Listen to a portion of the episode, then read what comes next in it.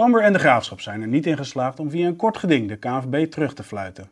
Voorzieningenrechter Hans Suurmond vindt dat het bestuur van de KNVB juist heeft gehandeld om de promotie- en degradatieregeling niet toe te passen. In de studio zit ik met Tom Knipping en Stef de Bond. Nou ja, Tom, eigenlijk hadden we dit op voorhand wel verwacht? Ja, zeker ook als je naar de historie van uh, kort gedingen van clubs tegen de KNVB uh, kijkt. De afgelopen jaren zijn er vijf geweest van dit soort zaken. En waren alle vijf al gewonnen door de KNVB. Dat komt vaak op hetzelfde neer. Hè, van het bestuur betaald voetbal is gemachtigd om een beslissing te nemen. Zo staat het in de reglementen. En zo formeel kijkt een rechter ook. Er komt ook heel veel emotie bij kijken, maar dat vult een rechter allemaal weg. En die kijkt gewoon wat staat er op papier.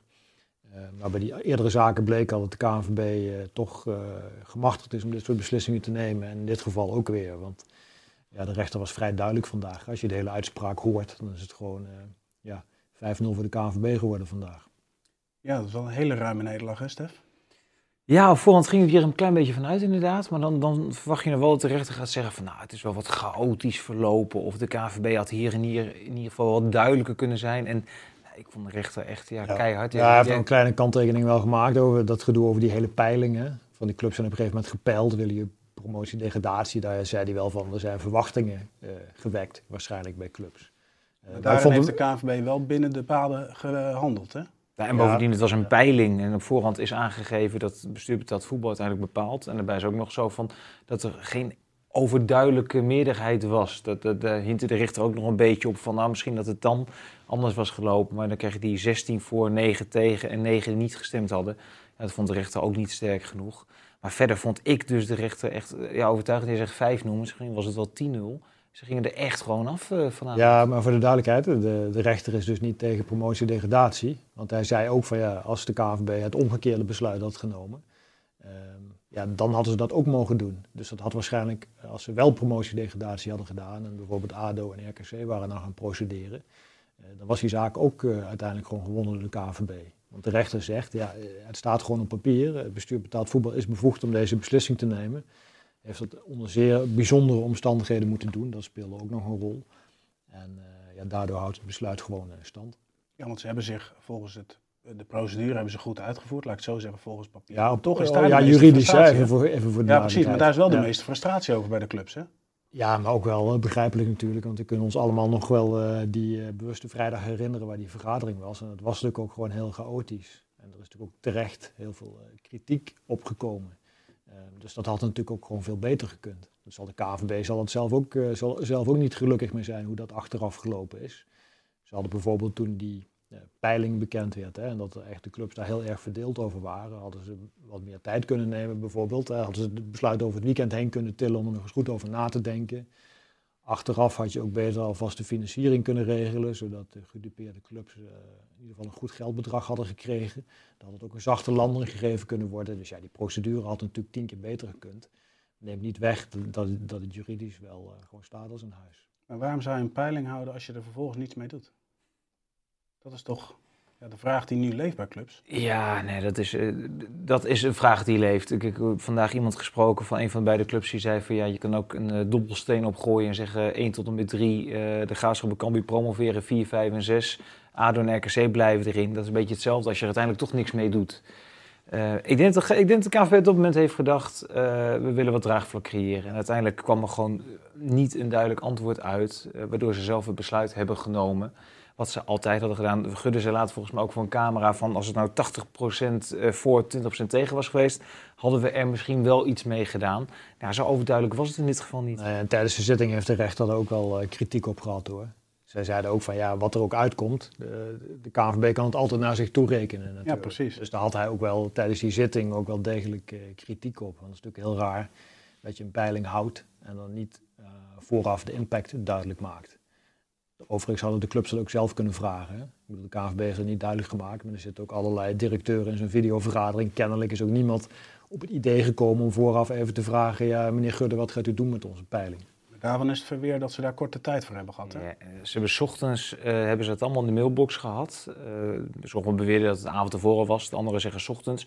Uh, en smiddags was die vergadering. Dan heb je ook in die tussenliggende periode nog alle tijd om. Ze hebben allemaal het nummer van uh, Gudde in de telefoon staan.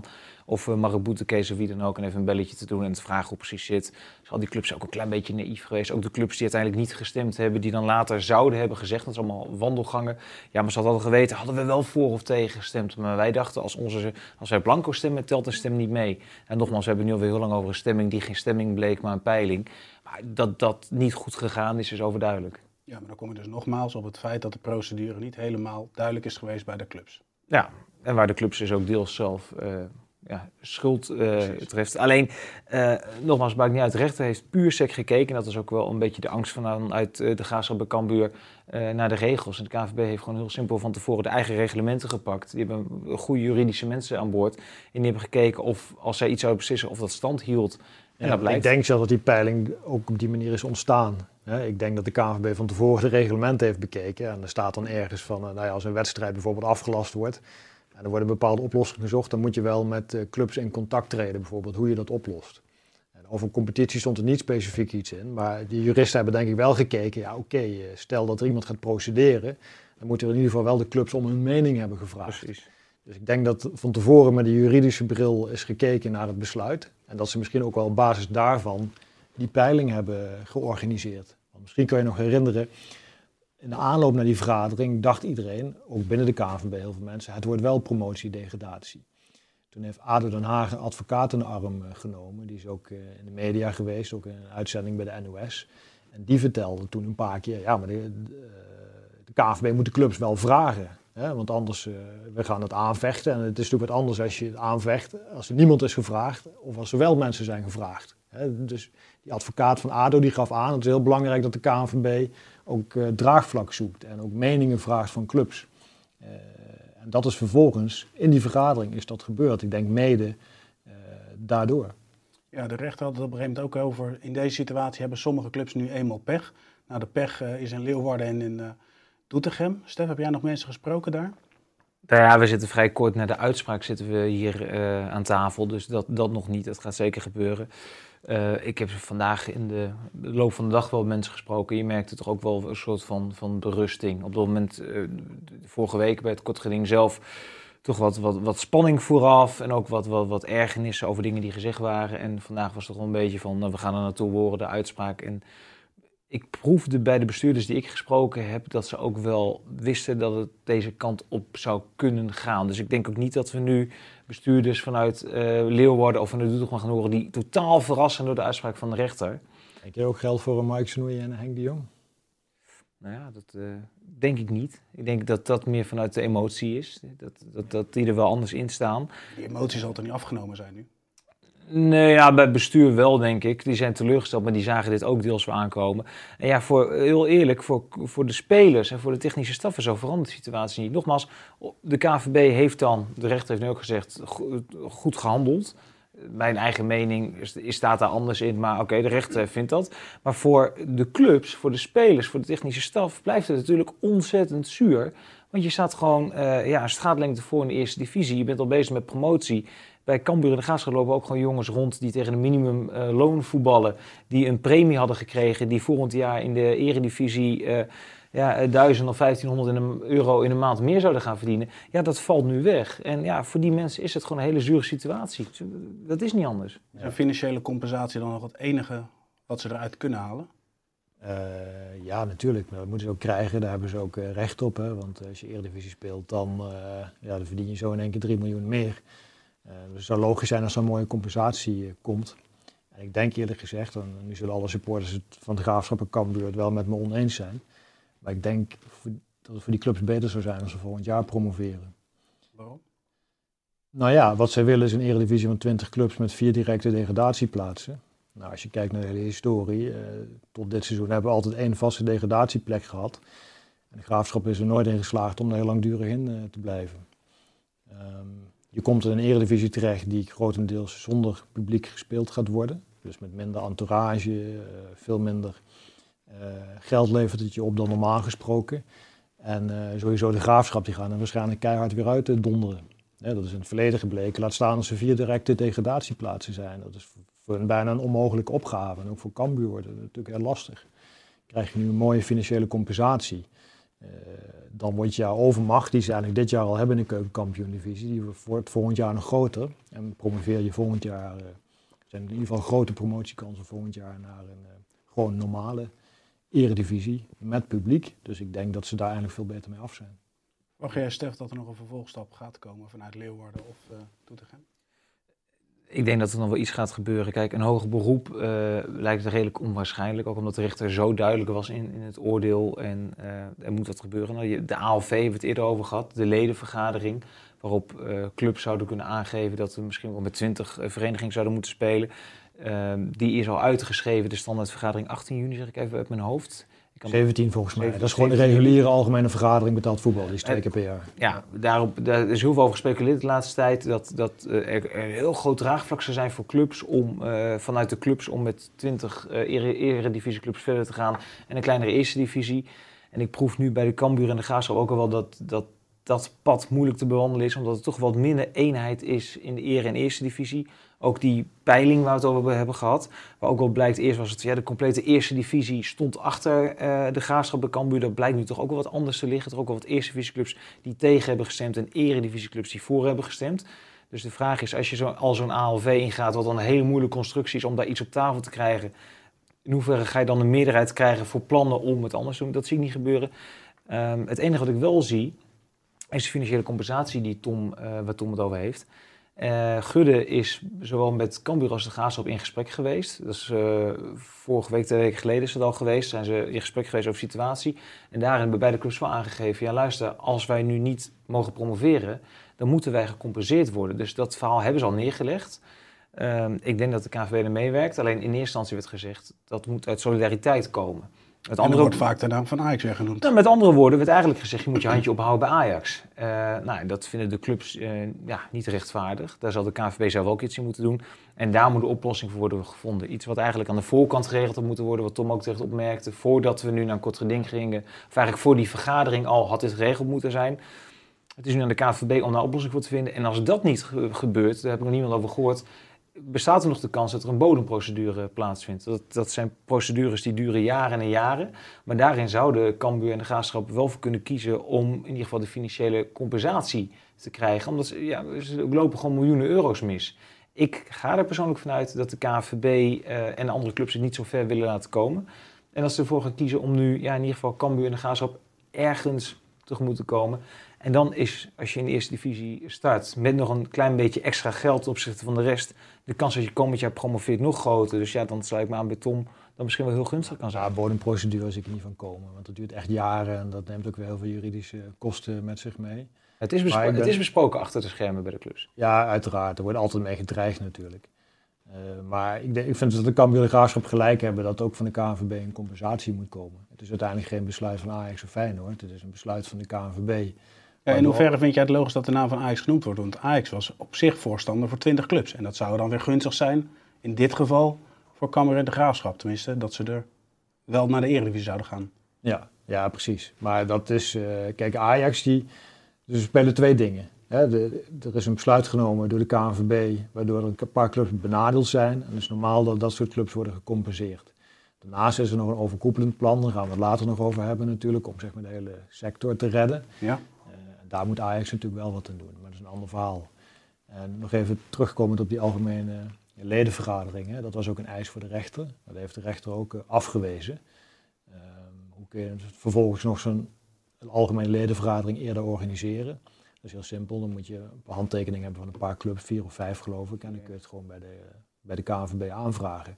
Kennelijk is de animo nog niet heel groot, want het is tot nu toe niet, uh, die vergadering is tot nu toe niet aangevraagd. Willen ze het ook niet gewoon afsluiten? Nou ja, ik vind dat ze dat moeten doen, de graafschap Cambuur is nu een keer klaar. Ik bedoel, de hele, hele betaald voetbal staat op omvallen. Er spelen nu wel even wat grotere problemen dan het niet promoveren van de graafschap en Cambuur. Dus ik denk ook dat de animo bij de clubs om uh, zo'n vergadering te organiseren, waarin het dan weer een hele dag over promotie en degradatie gaat. Waarvan, maar de vraag is uh, hoeveel uh, clubs er nu daadwerkelijk voor zijn, dat daar heel veel energie weer in gaat. Ik denk dat een heleboel clubs er helemaal niet op zitten te wachten. Zeker niet nu de rechter ook zich duidelijk uitgesproken heeft. Ik denk dat heel veel clubs, Cambuur en de Graafschap, niks verwijten dat ze nu een kort ring hebben aangespannen. Maar nu is hier ook een uitspraak van, dus inderdaad van jongens, we gaan nu het grotere probleem aanpakken. En dat is hoe zorgen we ervoor dat alle uh, clubs in de eredivisie en de eerste divisie overleven. Want ja. zo zwaar is. De rechter heeft dus ook geen oordeel gegeven over de kwaliteit van het besluit. Want hij zegt ook als een ander besluit was genomen, had, ja, had dat ook uh, stand gehouden. Dus met andere woorden, stel je organiseert een algemene ledenvergadering en gaat het hebben over uh, wel promotie, degradatie. Ja, zijn er vervolgens weer andere clubs uh, boos. Dus is de belangen die altijd meespelen. Sorry, wat zei De belangen die altijd meespelen dus. Ja, dus er zijn altijd clubs gedupeerd. Welke beslissing je ook neemt, zijn altijd clubs uh, gedupeerd. Dat zie je in andere landen ook. Spelen nu precies dezelfde discussies en ook allerlei rechtszaken. Uh, het is verbonden bijna onmogelijk om hier een, uh, of bijna onmogelijk, het is gewoon onmogelijk om een beslissing te nemen die goed is voor iedereen. Dan nog één keer terug naar het proces. Wat is volgens jou de grootste fout die gemaakt is door de KNVB? Nou, gewoon die peiling, onduidelijkheid over die peiling, wat die zou inhouden. En vervolgens, uh, als blijkt dat het echt verdeeld is in drie kampen, na zo'n peiling, zou je toch iets meer tijd moeten nemen om het uh, besluit nog uh, goed te, te overwegen. Hadden ze over het weekend heen kunnen tillen. En gewoon de financiën hadden vooraf geregeld moeten zijn, zodat Cambuur en de Graafschap gecompenseerd waren dan had je eh, waarschijnlijk dit hele circus kunnen voorkomen. Dat laatste punt. Dat van aan de voorkant de dingen met elkaar bespreken. Ze hadden natuurlijk uh, ADO, RKC, Cambuur en de Graafschap... hadden ze natuurlijk ook bij elkaar kunnen roepen in Zeist. Ja. Uh, en kunnen zeggen, jongens, ga er maar vanuit. Wij gaan niet naar 20 clubs, want dat was al vrij snel duidelijk. Gaan we niet doen. Dus twee clubs worden zometeen, zijn het haasje in deze... Uh, we moeten tot een regeling komen. Dus hou er rekening mee. Ga zelf denk even mee met elkaar. En laten we nu aan de voorkant iets regelen dat de clubs die gedupeerd worden er zo meteen niet heel bekijkt vanaf komen. En dat, dat hebben ze nagedaan. Ja, het ging ook over de manier waarop. Hè. Ook de manier waarop ze benaderd werden door het bestuur betaald voetbal. Uh, het, ze hoorden het in die vergadering op een uh, toch vrij stoïcijnse manier. En daarna werden ze bijna meteen weggedrukt door, de, door de KNVB. Die had inderdaad ook vooraf die avond van tevoren bijvoorbeeld uh, naar de clubs toe kunnen rijden en uh, ja, kunnen duiden zeg maar, welke kant het opging. Uh, het is natuurlijk niet leuk om slecht nieuws te brengen. dat had wel een beetje ingemasseerd kunnen worden. Ja, ja natuurlijk. Ik bedoel, ja. je bent er samen met elkaar in bedrijfstak, je hebt elkaar voortdurend nodig. Dus ja, dat, dat had je natuurlijk op een veel soepelere manier kunnen regelen. De menselijke kant van de KNVB. Ja. Ja, we hadden het net ook al even over geld. Daarvoor wilde, wil de KNVB een reddingsplan in gaan zetten.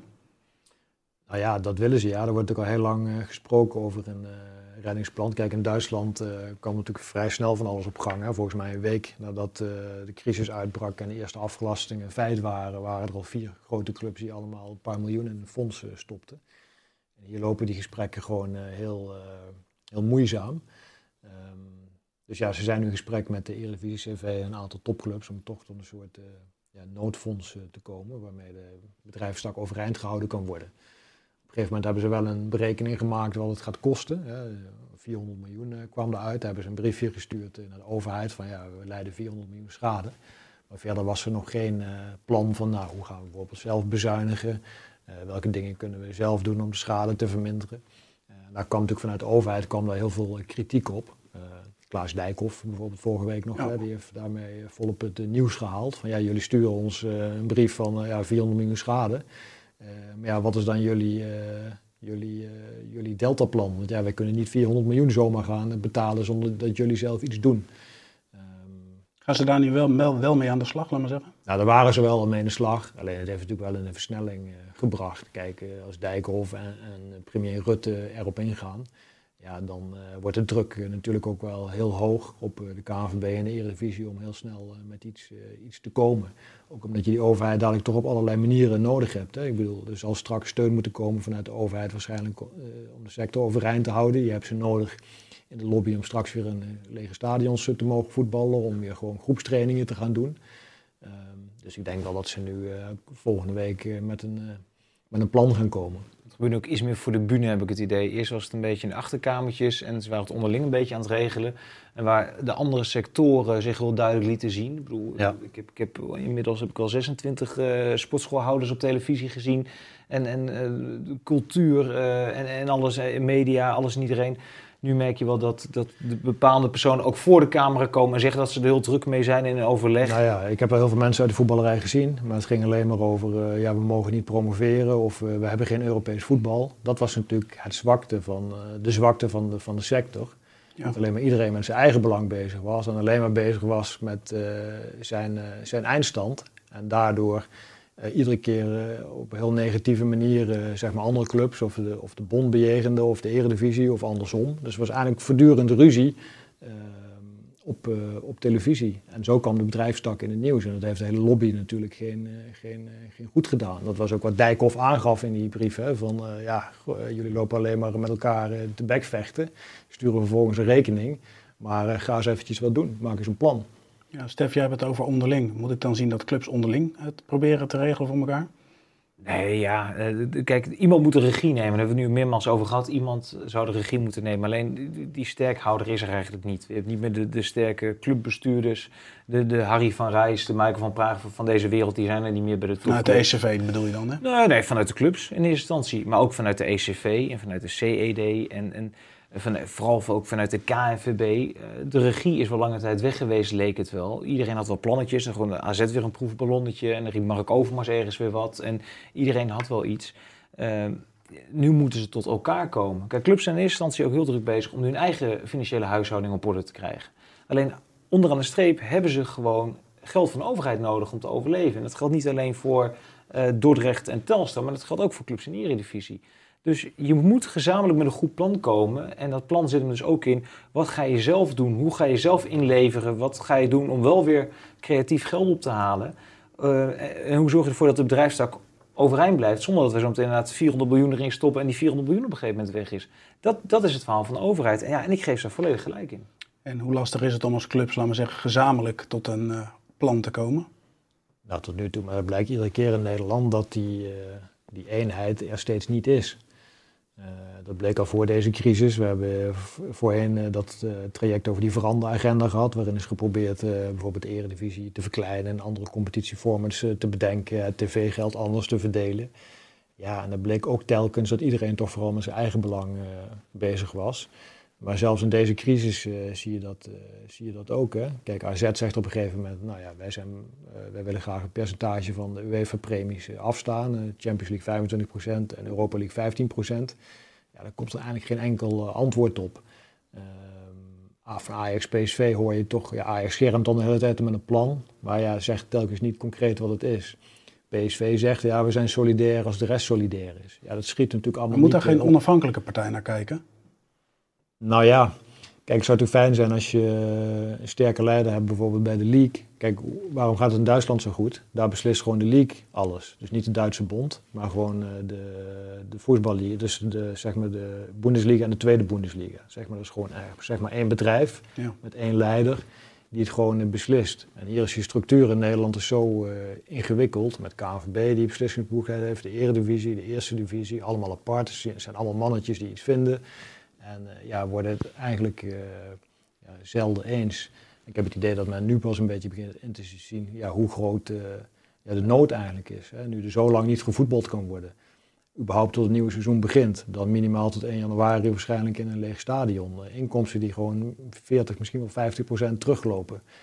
dus ik heb het idee, ja, nu begint men wel in te zien, ja, we moeten echt samenwerken en proberen samen dat betaalde voetbal overeind te houden. En als we daarvoor een goed plan hebben, dan kunnen we straks ook naar de overheid uh, om te vragen of zij dan het laatste beetje willen bijbetalen. Ja, dan hebben we de situatie FC Groningen. Daar zijn de eerste ontslagen. Nou, die zijn daar gevallen. Maar ondertussen mengen ze zich wel op de transfermarkt. Hoe gek is dat dan? Ja, ik, ik heb daar dubbele gevoelens bij. Ik heb uh, Gudde, de directeur, heb ik wel horen zeggen. En ook begrijpelijk het verhaal van... Wouter Gudde in dit geval. Wouter Gudde, ja, je moet wel even... Ja.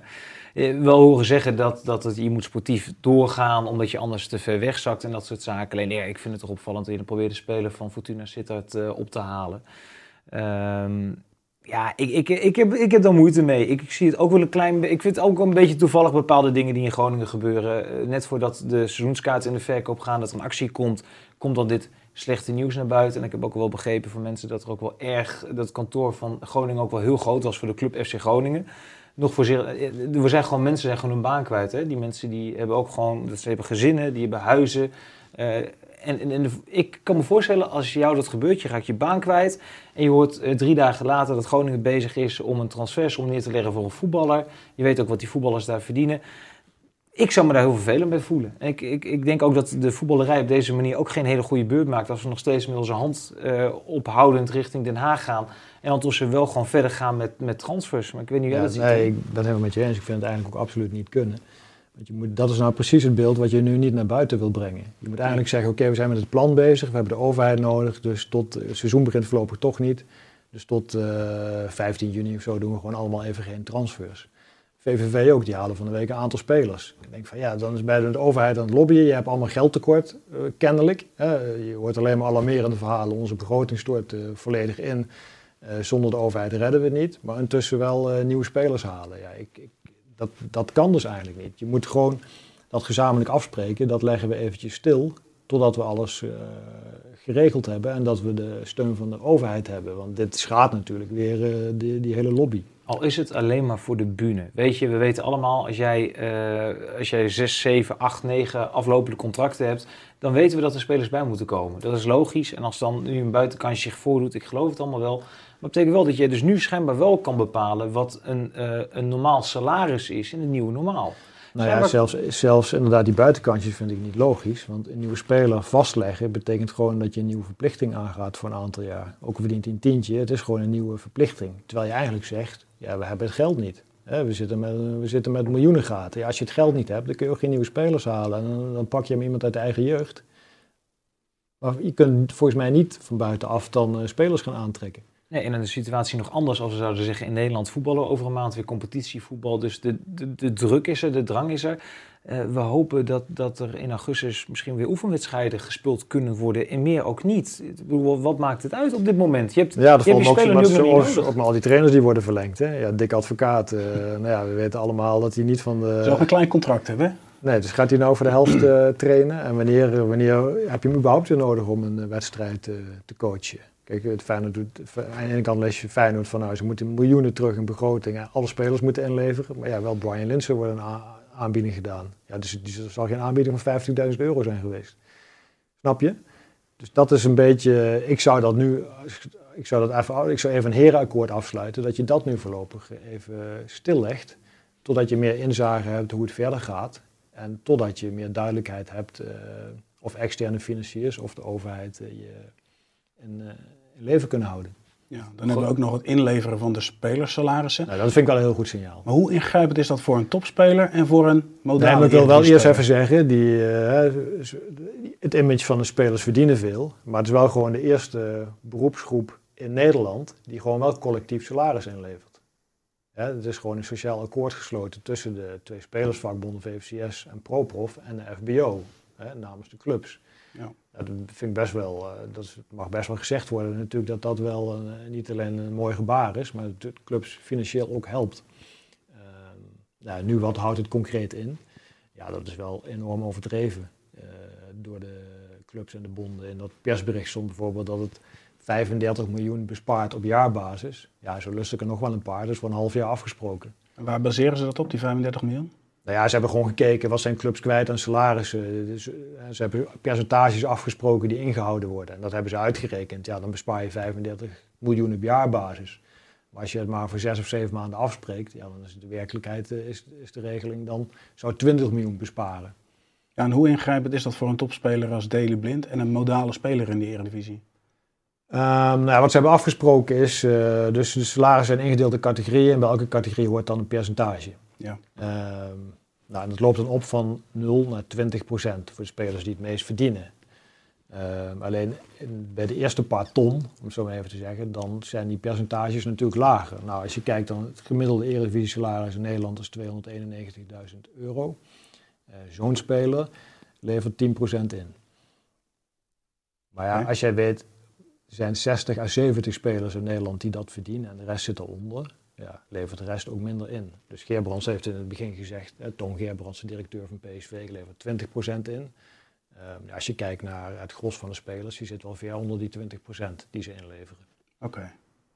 En dan uh, Rob Jansen, die is bij de KNVB geweest. Want niet alleen de voetballers, maar ook de mensen daaromheen, waaronder de zaakwaarnemers, moeten in gaan leveren. Ja, nou ja, Rob Jansen inderdaad heeft een uh, heel uh, gesprek belegd in Zeist. Maar ja, de zaakwaarnemers die verdienen een percentage over het salaris van de speler. Dus als een speler minder gaat verdienen, dan wordt het percentage van de zaakwaarnemer ook automatisch iets lager. Maar het is niet zo dat Rob Jansen heeft gezegd van we gaan bijvoorbeeld de commissies cappen op 3 of 4 procent de komende tijd. Er is ook niet een soort solidariteitsfonds geregeld waarin makelaars dan een bijdrage gaan, gaan leveren. Dat is allemaal niet gebeurd. Volgens mij was het eigenlijk wel een beetje een mosterd na de maaltijd de bijeenkomst. Omdat uh, de collectieve salarisverlaging voor de spelers, ja, die was al uh, geregeld eerder door de vakbonden. Um, wat natuurlijk wel belangrijk is, is dat hij zegt, want hij heeft ook een uh, makelaarsvakbond. En die zegt nou wel, ja, we staan achter dat akkoord. Dus stel nou bij een club zit een speler, die wil niet inleveren. Want die, dat inleveren is geen verplichting, maar een advies dus de club moet er dan nog zelf uitkomen met, uh, met de spelersgroep. Nou, stel een speler wil dat niet, maar die is wel aangesloten bijvoorbeeld bij Rob Jansen of een ander kantoor uit zijn makelaarsbond. Dan kan een club natuurlijk wel nu makkelijker zeggen van ja, maar uh, Rob Jansen en de makelaarsbond staan daarachter, dus waarom lever je niet in? Maar dan zal er wel ook iets veranderen, dat ze dus daarin ook moeten stimuleren. Dat ze spelers moeten stimuleren om ook wat salaris in te leveren. Ja, maar de meeste spelers die gaan ook wel. Uh, er zijn behoorlijke spelersgroepen die hebben ingeleverd. Hè. Ajax, uh, dat is toch wel opmerkelijk. Hè, want Ajax maakt gewoon dit jaar enorme winst. Hebben superveel geld op de bank. En daar levert de spelersgroep wel uh, in. En die, zit ook in, dat, bij, onder, die vallen ook onder het hoge percentage. Hè. Dus als je daar 3 miljoen verdient per jaar, wat natuurlijk bij Ajax een aantal spelers wel verdienen, dan lever je tot 31 december 3,5 ton in. Dus ja, dat zijn natuurlijk wel heel serieuze bedragen. En ook nou, bij PSV zijn ze aan het praten. Uh, bij Heracles uh, zag ik gisteren, hebben ze ook uh, collectief salaris ingeleverd. Dus dat gaat overal wel gebeuren hoor. En ook, wat ook wel belangrijk is om even te vertellen, is dat de spelers met lage salarissen die ook worden ontzien. En in de eerste divisie zitten heel veel spelers met ja, contracten van rond de 25.000 euro. Nou ja, tot dat bedrag hoef je niks, niks in te leveren. Wat ik, ik wel opvallend vind, wat jij net zegt, we hebben het over Rob Jansen, die in mijn ogen vooral goede sier maakt door uh, aan te schuiven en, en, voor camera's te verschijnen. Ze hadden natuurlijk ook inderdaad kunnen zeggen nu als makelaar zijn van weet je, we pakken die fees, we pakken onze eigen fees even aan. We gaan inderdaad, wat je zegt, uh, we vragen nog maximaal 3%. En dat zei je uh, voor deze uitzending ook al tegen mij. Hij zal natuurlijk ook een potje kunnen maken van het geld wat ze zelf verdienen, om daar misschien de voetballerij wat te, te stimuleren. Maar het, het, is vooral goede sier maken voor een camera.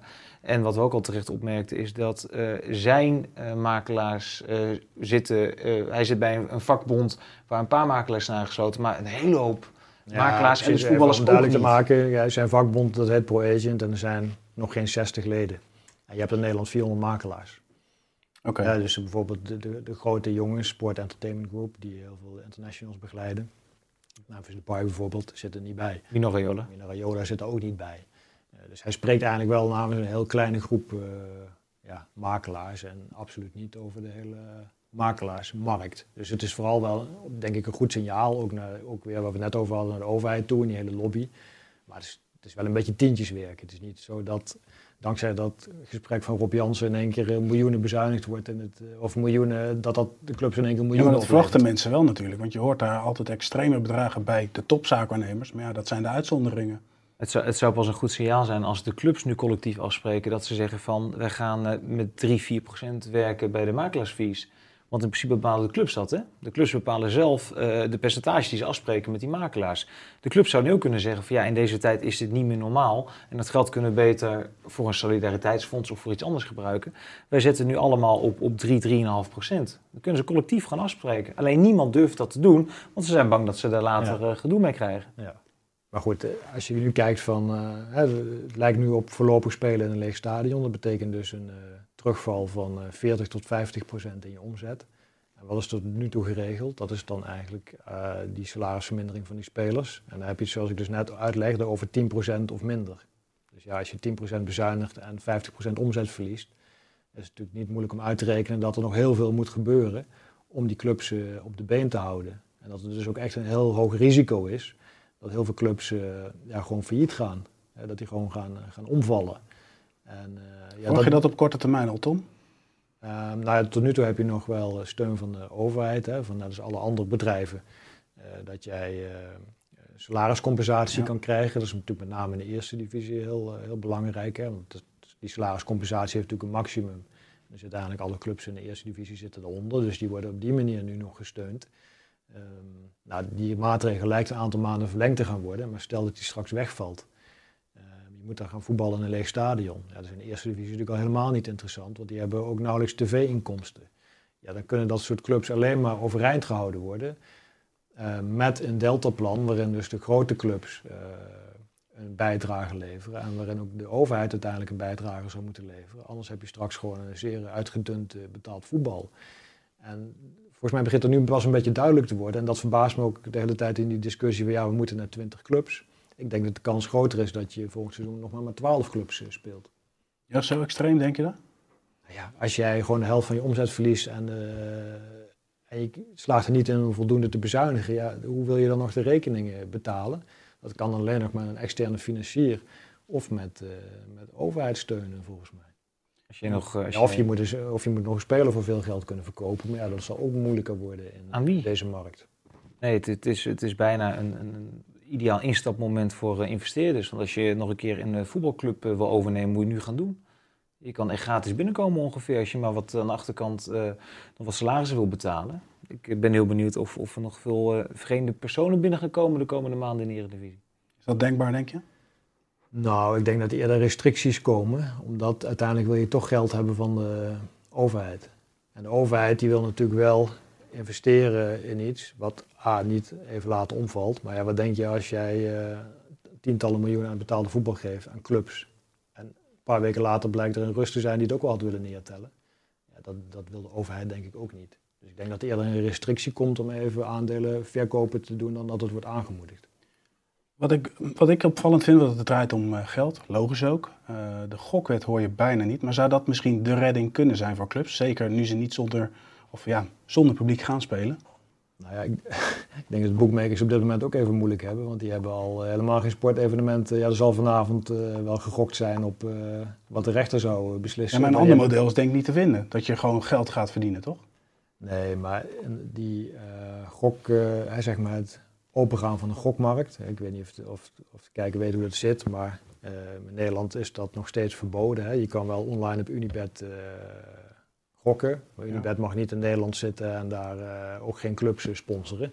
Het ziet er al een tijdje naar uit dat die markt open gaat, alleen dat is iedere keer uitgesteld. De clubs spreken, die hopen al tien jaar dat die markt open gaat, zodat ze de inkomsten uit kunnen genereren. ja, dat is tot nu toe niet het geval, dus heeft ook weinig zin om je rijk te gaan rekenen dan, denk ik. Nou ja, meer omdat ze in een uh, noodlijdende situatie zitten. Dat, tenminste, daar gaan we naartoe. Dan zou dat misschien een klein... Ja, maar dat is iets wat je zelf niet in de hand hebt. Hè? We hopen al heel lang dat het zo snel mogelijk uh, open gaat. Hè? Dat die Tweede Kamer die markt uh, openzet. Alleen dat is tot nu toe niet gebeurd. Nee. En ja, ik ook, niet, denk ook niet dat de budget op dit moment sky high zijn bij de boekmakers om volop te gaan adverteren. Want ja, die, hebben, die hebben de afgelopen maanden natuurlijk ook niks verdiend.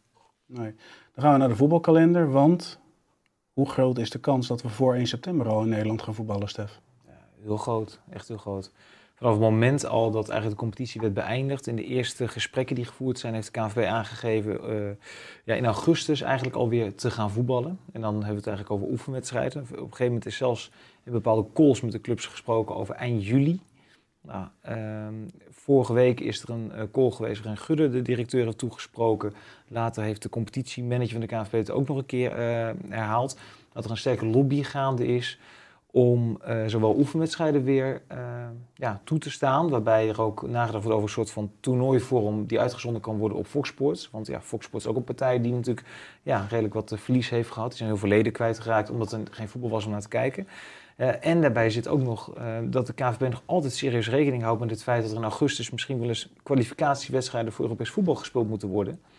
Ja, die moeten dan wel georganiseerd kunnen worden in Nederland. Uh, ik denk persoonlijk niet dat we in augustus al bezig zijn met uh, Europese kwalificatie voor het seizoen uh, eh, 2021. Ik denk dat we dan nog bezig zijn met de afronding van uh, eh, 1920 in Europa. Ja, want die plannen zijn er ook nog steeds, hè? Ja, die plannen liggen er nog steeds om gewoon in augustus Europa League en Champions League af te ronden. Maar uh, de KVB heeft daar altijd heel sterk voor gelobbyd aan de achterkant. En nu komt dat ook naar buiten. Dus ze benadrukken dat het gaat om oefenwedstrijden, niet om competitiewedstrijden. Ook om ja, de lobby van FC Utrecht een beetje tegen te houden. Die zeggen, ja, als we in augustus weer oefenwedstrijden kunnen gaan spelen tegen elkaar, uh, met camera's erop en alles, ja, dan kunnen we ook die ene wedstrijd tegen Feyenoord dan wel spelen. Dan hebben we nog een bekerfinale in Nederland. Uh, maar ik ga er maar vanuit dat als het, de coronacrisis niet erger wordt, als we niet zien dat zometeen we allemaal pieken krijgen in het aantal besmettingen in Nederland, dat we in augustus gewoon op Fox Sports naar oefenwedstrijden in Nederland kunnen gaan kijken. Ja, wat verwacht jij, Tom? Ja, het is een beetje koffiedik kijken natuurlijk, want je bent gewoon afhankelijk van uh, de, de, maatregelen die de overheid neemt. En tot nu toe is, uh, ja, zijn groepstrainingen gewoon verboden hè, voor betaalde clubs.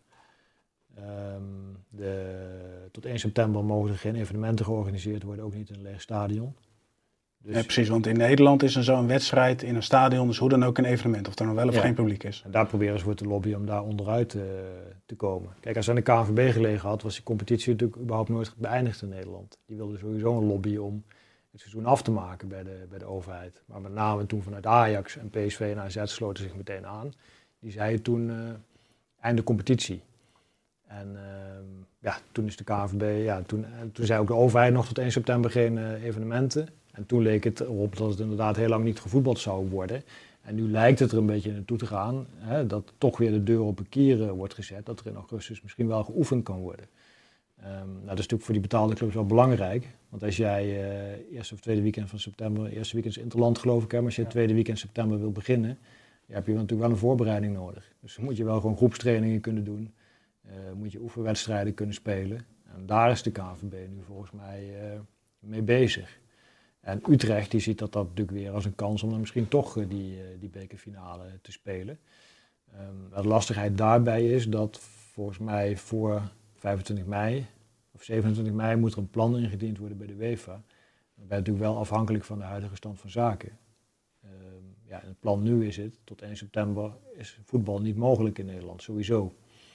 Um, dus ja, dan kun je moeilijk bij de UEFA een plan ingedienen van ja, als misschien straks toch het eerder open gaat, dan kunnen we toch nog iets gaan organiseren.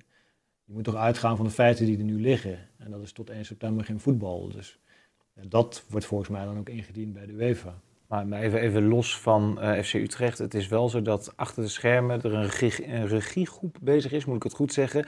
Om, om dingen met uh, de regering te regelen. Om inderdaad te kijken of misschien onder dat, dat evenementenstempeltje uh, uit ja, kan dat komen. gaat wel lukken, denk ik. En ja. dat, daar zijn ze al vanaf het eerste begin mee bezig. En in de vergaderingen, de, de calls met de clubs, is nu al meermaals aangegeven dat dat de goede kant op gaat, dat ze er alle vertrouwen in hebben. Dus er wordt nu in de media wordt gezegd van nou, het staat op een kier, we kijken een beetje.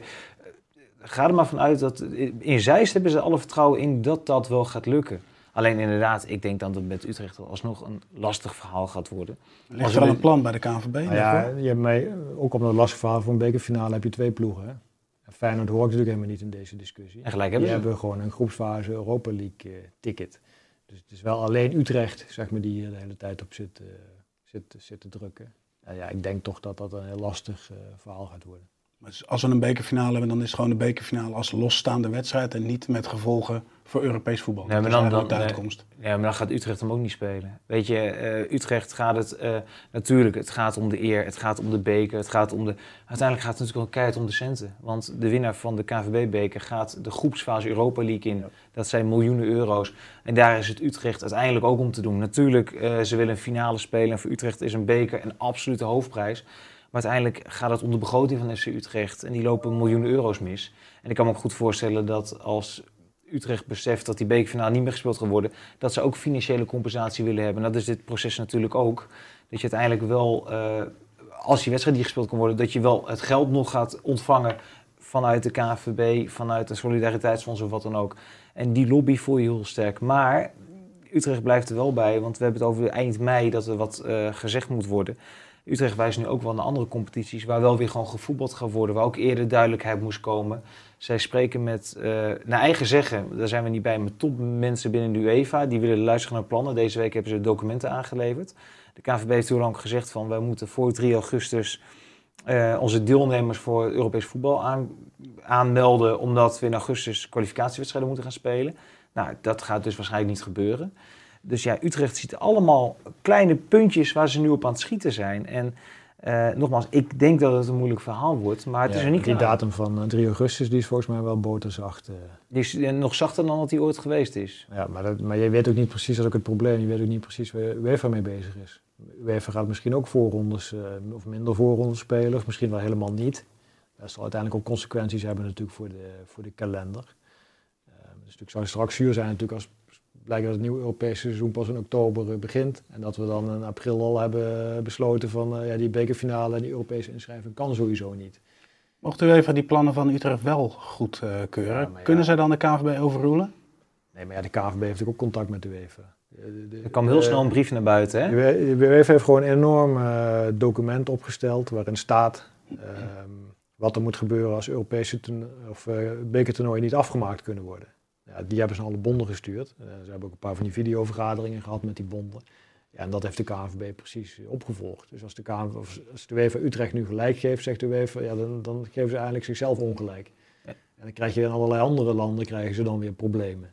Dus uh, ja, dat gaat echt niet gebeuren. Hetgeen waar de UEFA, uh, waar, de waar Utrecht op zit, waar de UEFA gevoelig voor zou moeten zijn, als de UEFA heeft gezegd dat competities er aan alles aan moeten doen om bekercompetities uit te spelen. Dus, dus eh, dat is hetgeen waar Utrecht nu op zit. Van ja, kijk eens, in België wordt er uh, gevoetbald, maar waarschijnlijk weer. In Duitsland starten ze zelfs weer alle andere landen. En als er hier oefenwedstrijden worden gespeeld, daar hoopt Utrecht een beetje op. Maar inderdaad. Maar ja, het, het toernooi is uiteindelijk eigendom van de UEFA.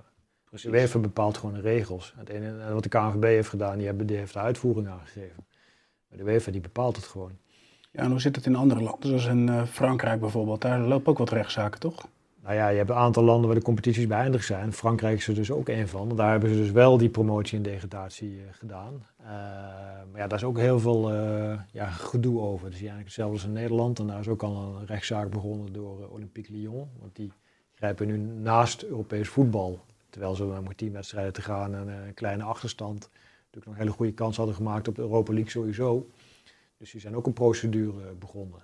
Nou ja, in België is het één grote oorlog. Daar is uh, vrijdag uh, vergadering um, over hoe ze daar een einde gaan maken. En de competitie, ja, dat speelt hetzelfde als hier. Je hebt, uh, de, de, de, grote clubs die willen allemaal iets anders. Dus het is ook, en die hebben ook al een paar van die vergaderingen gehad. Want volgens mij is al vijf of zes weken geleden besloten dat ze niet meer gaan voetballen. Maar er is nog steeds geen, geen besluit gevallen. Dus je ziet overal dat leaks en bonden ja, enorm moeilijk hebben om, om tot beslissingen te komen. En ook overal met rechtszaken tot gevolg, niet alleen in Nederland. Puur omdat ja. we dit niet weten. We hebben dit nooit eerder meegemaakt. Voor al die landen, voor al die bonden is dit gewoon iets nieuws. En hetzelfde wat wij nu met uh, Cambuur en uh, de Graafschap meemaken. In andere landen heb je ook verliezers.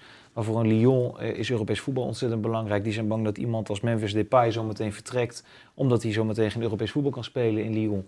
Nou, dat soort dingen zijn nu op het spel. Ja, dan is het toch ondenkbaar dat we in september al Europees voetbal gaan spelen. Met al die conflicten die nog lopen. Nou ja, ik denk ook dat het pas later gaat beginnen, ja. En, op 27 mei gaat u even dat bekendmaken. Hè, want ze hebben nu een paar van die vergaderingen gehad. En dus iedere keer is het een beetje naar voren, naar achteren geschoven eigenlijk. Dat is ook omdat u even wil zien ja, hoe het opstarten van het voetbal in de praktijk gaat. Hè. Duitsland begint dit weekend. Uh, je hebt nog een aantal landen die uh, willen gaan beginnen. Oostenrijk, uh, Portugal geloof ik, Polen, ja. Denemarken. die, hebben, die willen allemaal de competitie gaan opstarten de komende weken. En de UEFA wil natuurlijk kijken of dat in de praktijk, hoe dat gaat. En of het realistisch is dat competities nog afgemaakt uh, kunnen worden. Dus daarom hebben ze dat beslismoment steeds verder uitgesteld. Zodat ze dat even aan kunnen kijken. Maar dan willen ze 27 mei wel definitief uh, aangeven hoe ze het dit seizoen willen afwikkelen. Dus ook de Champions League, Europa League dit seizoen. En ook hoe ze dan volgend seizoen willen gaan beginnen. En, ja. En wanneer vooral ook. Want ja, ik bedoel, het mag ook bijvoorbeeld nog helemaal niet gereisd worden. Nee, de Champions League wilden ze in een toernooivorm doen, toch? Dat kan dat Ja, maar als je een nieuw seizoen bedenkt, dan, met al die clubs die dan... Nu gaat het om maar een paar clubs. Maar een nieuw seizoen heb je natuurlijk weer al die clubs die instromen. begin je weer van voren af aan. Ja, het lijkt mij sterk dat er dan uh, in augustus, september al door heel Europa gevlogen kan worden. Als je hoort, dat is helemaal niet realistisch. Als je hoort hoe moeilijk het nu is voor alle reisorganisaties om weer vakanties ja. aan te kunnen bieden. dan denken wij dat we gewoon met, uh, met complete voetbal in Europa door kunnen gaan reizen. Dat is natuurlijk gekke werk. Ja, dus ik denk ook dat het pas veel later gaat uh, beginnen. En dan kom je ook weer terug op dat deltaplan in Nederland. Hè. Want eerder is gezegd, er moeten UEFA-premies in een solidariteitsfonds worden gestopt. Maar ja, dat is wel een grote kans dat die Europese premies pas veel later gaan komen in een nieuwe seizoen. premies krijg je natuurlijk pas als er ook daadwerkelijk een Europees seizoen wordt gespeeld. Nou, tot slot, voetbal in lege stadions. Hoe funest ja, gaat dat? Uh... Ja, financieel is het wel heel funest. Alleen je kan natuurlijk wel op een gegeven moment denkbaar dat er wel een aantal toeschouwers uh, in kunnen. Hè. Um, daar worden nu allerlei protocollen opgesteld ook, want dat deltaplan waar de KNVB en de clubs mee bezig zijn, gaat dus niet alleen over het financiële gedeelte, maar ook hoe willen we alles gaan organiseren in een nieuwe competitie.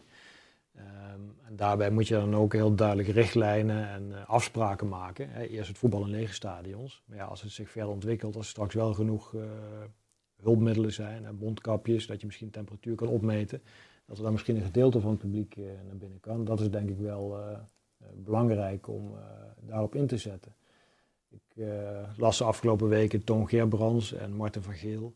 Die zeiden allebei, ja, de anderhalve meter economie in het voetbal is eigenlijk niet zo realistisch, is niet haalbaar. Ik denk toch dat je wel moet gaan proberen. Kijk, de restaurants die gaan open, de pretparken gaan open, dierentuinen gaan open, musea gaan open, theater, bioscopen gaan allemaal open. Waarom zou dat in een stadion, waarom zou een stadion dan niet gedeeltelijk open kunnen? En ook weer in die lobby naar die overheid is dat heel belangrijk uh, het kost misschien meer geld dan het oplevert. Maar je laat wel zien dat je er alles aan doet om de boel draaiende te houden. En dat je ook wil investeren erin. En ik denk dat je ook een hoop goodwill naar de overheid meewint. Als je wel laat zien als bedrijfstak dat je er gewoon alles aan doet om zoveel mogelijk inkomsten te genereren. En als het dan maar met duizend man is, ja dan maar met duizend man. Maar organiseer het gewoon. Wat is daarop tegen? Ik vind het heel raar om van tevoren al te zeggen, ja dat kan niet, want dan kunnen mensen niet naar de wc. Ja, dan gaan ze niet naar de wc. De situatie is deze vraag. Ik heb een nichtje die moet naar de basisschool iedere dag twee uur nu. Ja, mag twee uur lang niet naar de wc. Gaat ook goed, hè? Nee. prima, dus een voetbalsupporter kan volgens mij best wel even twee uur niet naar de wc. de situatie dus vraagt toch sowieso altijd om creativiteit. Ja, maar dit, dat is ook een, een misvatting. Want er zijn ook clubs, ik heb clubbestuurders gesproken, die al lang bezig zijn. Ja, onder andere. Ja. FC Utrecht weet ik, zijn clubs die al lang achter de schermen bezig zijn. Die in het stadion rond hebben gelopen. Ook gewoon met meetlatten erbij om te kijken, anderhalve meter. Wat, wat, hoeveel mensen kunnen er nog in het stadion bijvoorbeeld. Maar ook, wat kan er in een businessclub bijvoorbeeld nog? Want we denken nu dat die gewoon op slot moeten daar zijn best wel mogelijkheden. Er wordt al nagedacht over. Misschien moet je de mensen met, een, uh, met de even nummers uh, de ene thuiswedstrijd toelaten en dan de oneven nummers. Er wordt al, ik heb gehoord verhalen over loterijen, dat je mensen kan laten loten om bij een wedstrijd te zijn of niet. Je moet creatief zijn in deze tijden. Um, ik vind ook een hele goede opvatting die nu gedaan is van... oké, de stadions zijn leger of leeg. Wat kunnen we dan doen rondom die uitzendingen ervan? Adriaan Visser, voorzitter van Pek had het daarover. Die zei van, dan moeten we het nog meer naar de mensen toe brengen. Een beetje zoals PEC speelde toen de tijd de bekerfinale. Dan zag je de bus vertrekken bij het stadion. Dan werd er nog even met supporters gesproken. Dan zag je ze aankomen, en blikken in de kleedkamer. Ook over dat soort dingen moet je nadenken. Wat kun je samen met in dit geval Fox Sports gaan doen... om die wedstrijdbeleving dan ook nog thuis te brengen... bij de mensen die niet in het stadion kunnen komen. En daar moet over na worden gedacht en dat moet nu naar buiten worden gebracht. Want dan kom je met een veel sterker verhaal. Gaan mensen ook eerder een seizoenskaart verlengen? Want dan zeg je van die krijgt een seizoenskaart, maar dan krijg je ook een paspartout voor de wedstrijden bij Fox Sports. Dan krijg je dus de wedstrijd dat je niet in het stadion kan, kan je bij ons komen kijken. En als je wel in het stadion kan, ja, het zal anders zijn. Je springt elkaar niet meer even om de nek bij een doelpunt. En misschien dat het moeilijker wordt om een biertje te drinken of naar de wc te gaan. Maar er kunnen echt nog wel mensen bij zijn. Dus ik, Daarom was ook toen eh, Hugo de Jonge aangaf van ja, tot er een eh, vaccin is, uh, blijven de stadions leeg. Heel veel clubbestuurders waren toen best wel gepikeerd over die uitspraak, omdat zij op datzelfde moment achter de schermen bezig waren om te kijken wat er wel mogelijk was in de anderhalve meter samenleving. dus die hadden, diezelfde, ja, die hadden diezelfde dag allemaal sponsoren en supporters aan de telefoon. Zeiden, maar jullie waren toch bezig om wel te kijken wat er mogelijk was. En die het probleem is dat er niks ligt. Dat, was, dat is ook wat Dijkhoff uh, in zijn kritiek zei. Van, ja, in, in Duitsland zijn al tig handboeken al ingeleverd bij de overheid die ze kunnen beoordelen. Ja, en de overheid heeft niks te beoordelen, want uh, de Eredivisie en de KNVB en de Eerste Divisie ze hebben nog niks ingeleverd. Ja, dan zeggen we de jongen, als er geen vaccin is, dan uh, kunnen we niks organiseren. Maar je kunt natuurlijk wel gewoon wedstrijden in een leeg stadion, kun je wel protocollen van maken. En als er straks wel meer testcapaciteit is, uh, ja, dan kun je misschien ook weer langzaam naar meer publiek toe. Kijk, één ding is duidelijk, het zal nooit in één keer van 0 naar 100 gaan. Dus, uh, dus nooit, het zal straks nooit zo zijn, het stadion kan in één keer weer vol. Dus je moet toch gaan nadenken. Ja, precies. Ja, Daar moet je over een langere periode, hè? want we hebben nu steeds maar over 1 september, maar met publiek, dat gaat toch veel langer duren. Nou, publiek gaan ze nu sowieso uit tot 1 januari gaan ze nu van uit. Daarom is ook die, bijvoorbeeld die collectieve salarisvermindering is ook afgesproken nu tot 1 januari. Uh, mag eerder met publiek gespeeld worden, dan vervalt ook die collectieve salarisvermindering trouwens. Um, ja, 1 januari is waar men nu van uitgaat. En dat men misschien daarna weer langzaam kan, uh, kan, uh, kan opbouwen. En daarvoor worden nu uh, plannen bedacht. Maar ja, dat vind ik dan wel heel raar dat je, dat je nog directeuren hoort van ja, anderhalve meter samenleving is niet mogelijk in, in de stadions. Ja, ja. ik, ik, begrijp ik denk dat ze bij de Efteling ook niet ideaal vinden, maar ze gaan wel open. ik begrijp het ook gewoon niet, want het is, het is gewoon een verdienmodel. Ik snap ook niet dat clubs zo die uitspraken doen, Tom. Ik zou dan altijd uitgaan van het positief en zeggen van... oké, wij gaan kijken wat in, in de huidige maatschappij mogelijk is. Al, zijn, al krijg je in een stadion van PSV maar 2000 man binnen... dan heb je 2000 man binnen. Dan kun je dus 2000 fans kun je tegemoet komen. Je kan daar je, eh, je geld weer verdienen. Eh, ja, en dan buiten op naar 4000 of 6000. Maar ik, ik snap de, de redenering niet. Het past niet bij voetbal, dus we doen het niet. Nee, ik vind het ook niet leuk dat ik naar de Bundesliga ga zitten kijken met lege, za- eh, lege tribunes. Maar de bal rolt wel weer zo meteen. Nou, Ja, ik, ben benieuwd, eh, ik ben benieuwd of we er straks een beetje aan kunnen wennen. Ja. Ja, nee, dus er is geen klap aan om een wedstrijd zonder publiek te kijken. Maar ik denk toch dat het hele hoge kijkcijfers gaat scoren dit, eh, dit weekend. Ik zag toen die, wat was dat, Valencia, toen eh, zonder publiek in de Champions League. Ja, op de rand, eh, Vlak voordat eh, alles stil werd gelegd. Ja, dat maakt natuurlijk een hele rare indruk. Hè? Het heeft veel minder impact. Maar als je ook die handboeken in Duitsland ziet, er zijn geloof ik 40 pagina's met allerlei regels erin. Met dat spelers elkaar niet mogen omhelzen. En, Desinfecteerde ballen. en, coaches mondkapjes. Eh, met verschillende bussen naar de, naar de wedstrijd toe. Niet samen douchen. interetappes omkleden, ja. Ja. Maar oké, eh, In isolatie. Ja. ik, ik begrijp dat er meer dan een miljard mensen gaan kijken naar de Bundesliga. Van ja, er is één plek waar de bal rolt en dan gaan we kijken met z'n allen, want zo werkt het. Jullie ook toch? Tenminste, ja, ik heb er wel zin in. Ik wil weer voetbal kijken. Het is veel te lang geleden, toch? Ja, ik ga ook kijken, ja. ja de heb er ook zin in. De Bundesliga is niet waar ik eh, wekelijks normaal gesproken over inschakel. Kijk je toch eerder Premier League of zo. Ja, het is nu het eerste wat er is na zoveel eh, tijd. Dus ja, ga je natuurlijk wel kijken. Maar wat ik al zeg, van, ja, ik vind sfeer ook belangrijk. Als je sfeer totaal eh, wegvalt en je hebt dan ook, het is ook nog eens een competitie waar je minder mee hebt dan bijvoorbeeld met de Eredivisie. Ja, dat is nog niet zo hoor, dat ik eh, al eh grote eh, bier en chips heb ingekocht en eh, dus nu al aan het verheugen ben op zaterdagmiddag. Ja, misschien ben ik een van de weinigen dan, lekker voor de tv. Ik ga wel kijken als het erop is, maar het is niet zo dat ik er nu al mee bezig ben. Jij, Stef? Ja, het is niet het schakelprogramma op vrijdagavond, moet ik toegeven, maar eh, ik ga er wel voor zitten hoor. Ja, nou ja, ik moet zeggen, ik ook. Ik heb er zin in.